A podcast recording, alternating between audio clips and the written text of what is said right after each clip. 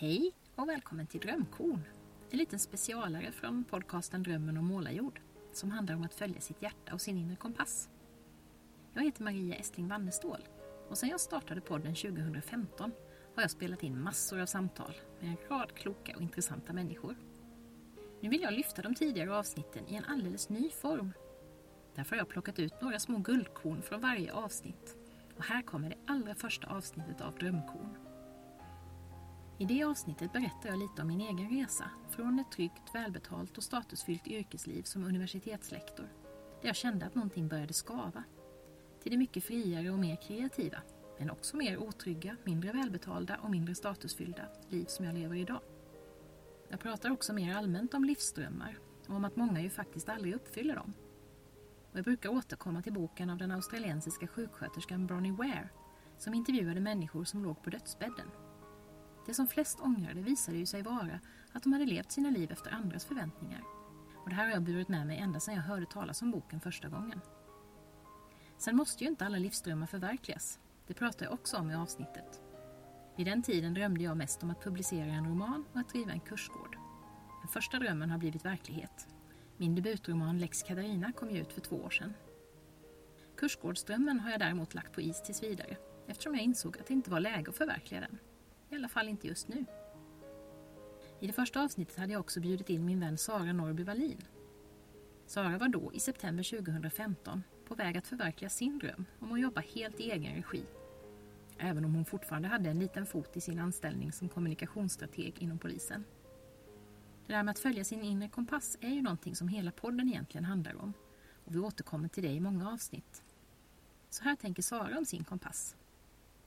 Jag kommer ihåg att det fanns en tid där jag inte kunde hitta de där livsriktningarna och så. Men nu, känner, nu är det ganska många år det har varit så att det pekar ju så man får nästan ont i magen för liksom kompasspilen sticker ut åt ett visst håll sådär. Så det, det har väl kanske lite med erfarenhet och ålder att göra att man har provat ett antal saker och kommit fram till att nej, inte det. Eh, men också det arbete, eller som har varit väldigt eh, roligt och inte känt som ett arbete, som vi har gjort tillsammans och var för sig och skrivit och tänkt. De talade om väldigt tydligt för mig vartåt jag ska. Och jag har vissa saker, jag kan liksom stämma av mot, ja men det här jag gör nu, stämmer det mot det här jag brukar tycka är viktigt? Att vara öppen och ärlig, att kunna utvecklas, att eh, kunna på något sätt förena egen utveckling med nära relationer, familj och så. Och jag kan liksom checka av mot dem där. Det är som en liten checklista kan mm. man säga. Och, ja, okej. Okay. Fyra av fem på den här grejen, ja men då är det nog rätt bra. Mm. Så att det blir ett, ett, eh, jag har dem inte nerskrivna eller så, men då och då stannar jag upp och tänker över och ser vad som har ändrats och hur väl det stämmer med där jag är just nu i mm. livet. Under vårt samtal frågade jag henne också om hon har funderat på några eventuella hinder som kan uppstå på vägen mot hennes drömförverkligande. Hinder eh, beror ju lite på vad man menar. Jag tänker sådana här hinder som hästar hoppar över. De är ju liksom bara någonting som gör att man måste ta i lite extra. Eller så har vi hinder som murar där det verkligen är stopp. Så det är en definitionsfråga. Mm. Eh, att det finns mycket där man måste ta i, det tror jag ju för till exempel att det blir mera skiftande arbetsintensitet. Ibland jättemycket att göra och ibland inte så mycket. Och jag är en sån människa som helst sover minst åtta timmar per natt och, och så vidare. Så att det kan jag ju fundera över hur jag eh, klarar det.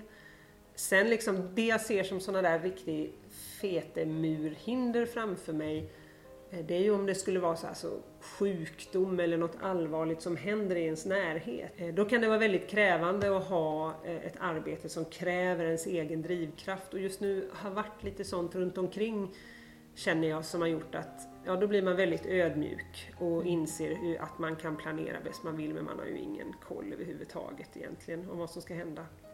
Men just nu inga stora orosmoment och det beror nog på att jag har liksom hållit i mig rätt länge innan jag nu har tagit det här steget. Och jag har fortfarande en viss försörjning kvar hos min arbetsgivare som jag också har jättemycket som jag trivs väldigt bra hos mm. på många sätt. Men det är ett antal sidor hos mig som inte riktigt ryms där. Så att eh, Där finns också det finns en trygghet under det här första halvåret som inte alls alla har när man tar det där steget mot sin dröm. Så jag har dröm med simdyna på kan man säga. och så till sist, om man nu inte hittar sin inre kompass, vad gör man då? Det här är någonting som vi pratar om i flera andra avsnitt och som vi också jobbar med i min webbkurs som heter just Den inre kompassen. Och Sara fångar upp någonting viktigt här.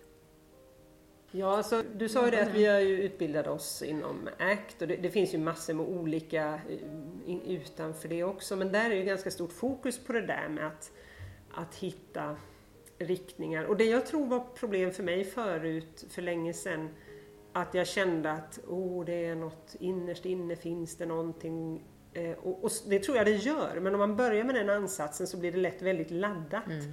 Och det måste vara 100% rätt. Men man kanske kan hitta någonting som, ja men det där är i alla fall mer rätt än, eh, än det jag gör nu. Eh, så att man kan, eh, och man kan också, ofta vet man ju rätt väl vad man inte vill. Mm. Och kan man ju försöka lista det och så kan man översätta det som till exempel eh, Jag vill inte umgås med människor som inte tillför något i mitt liv.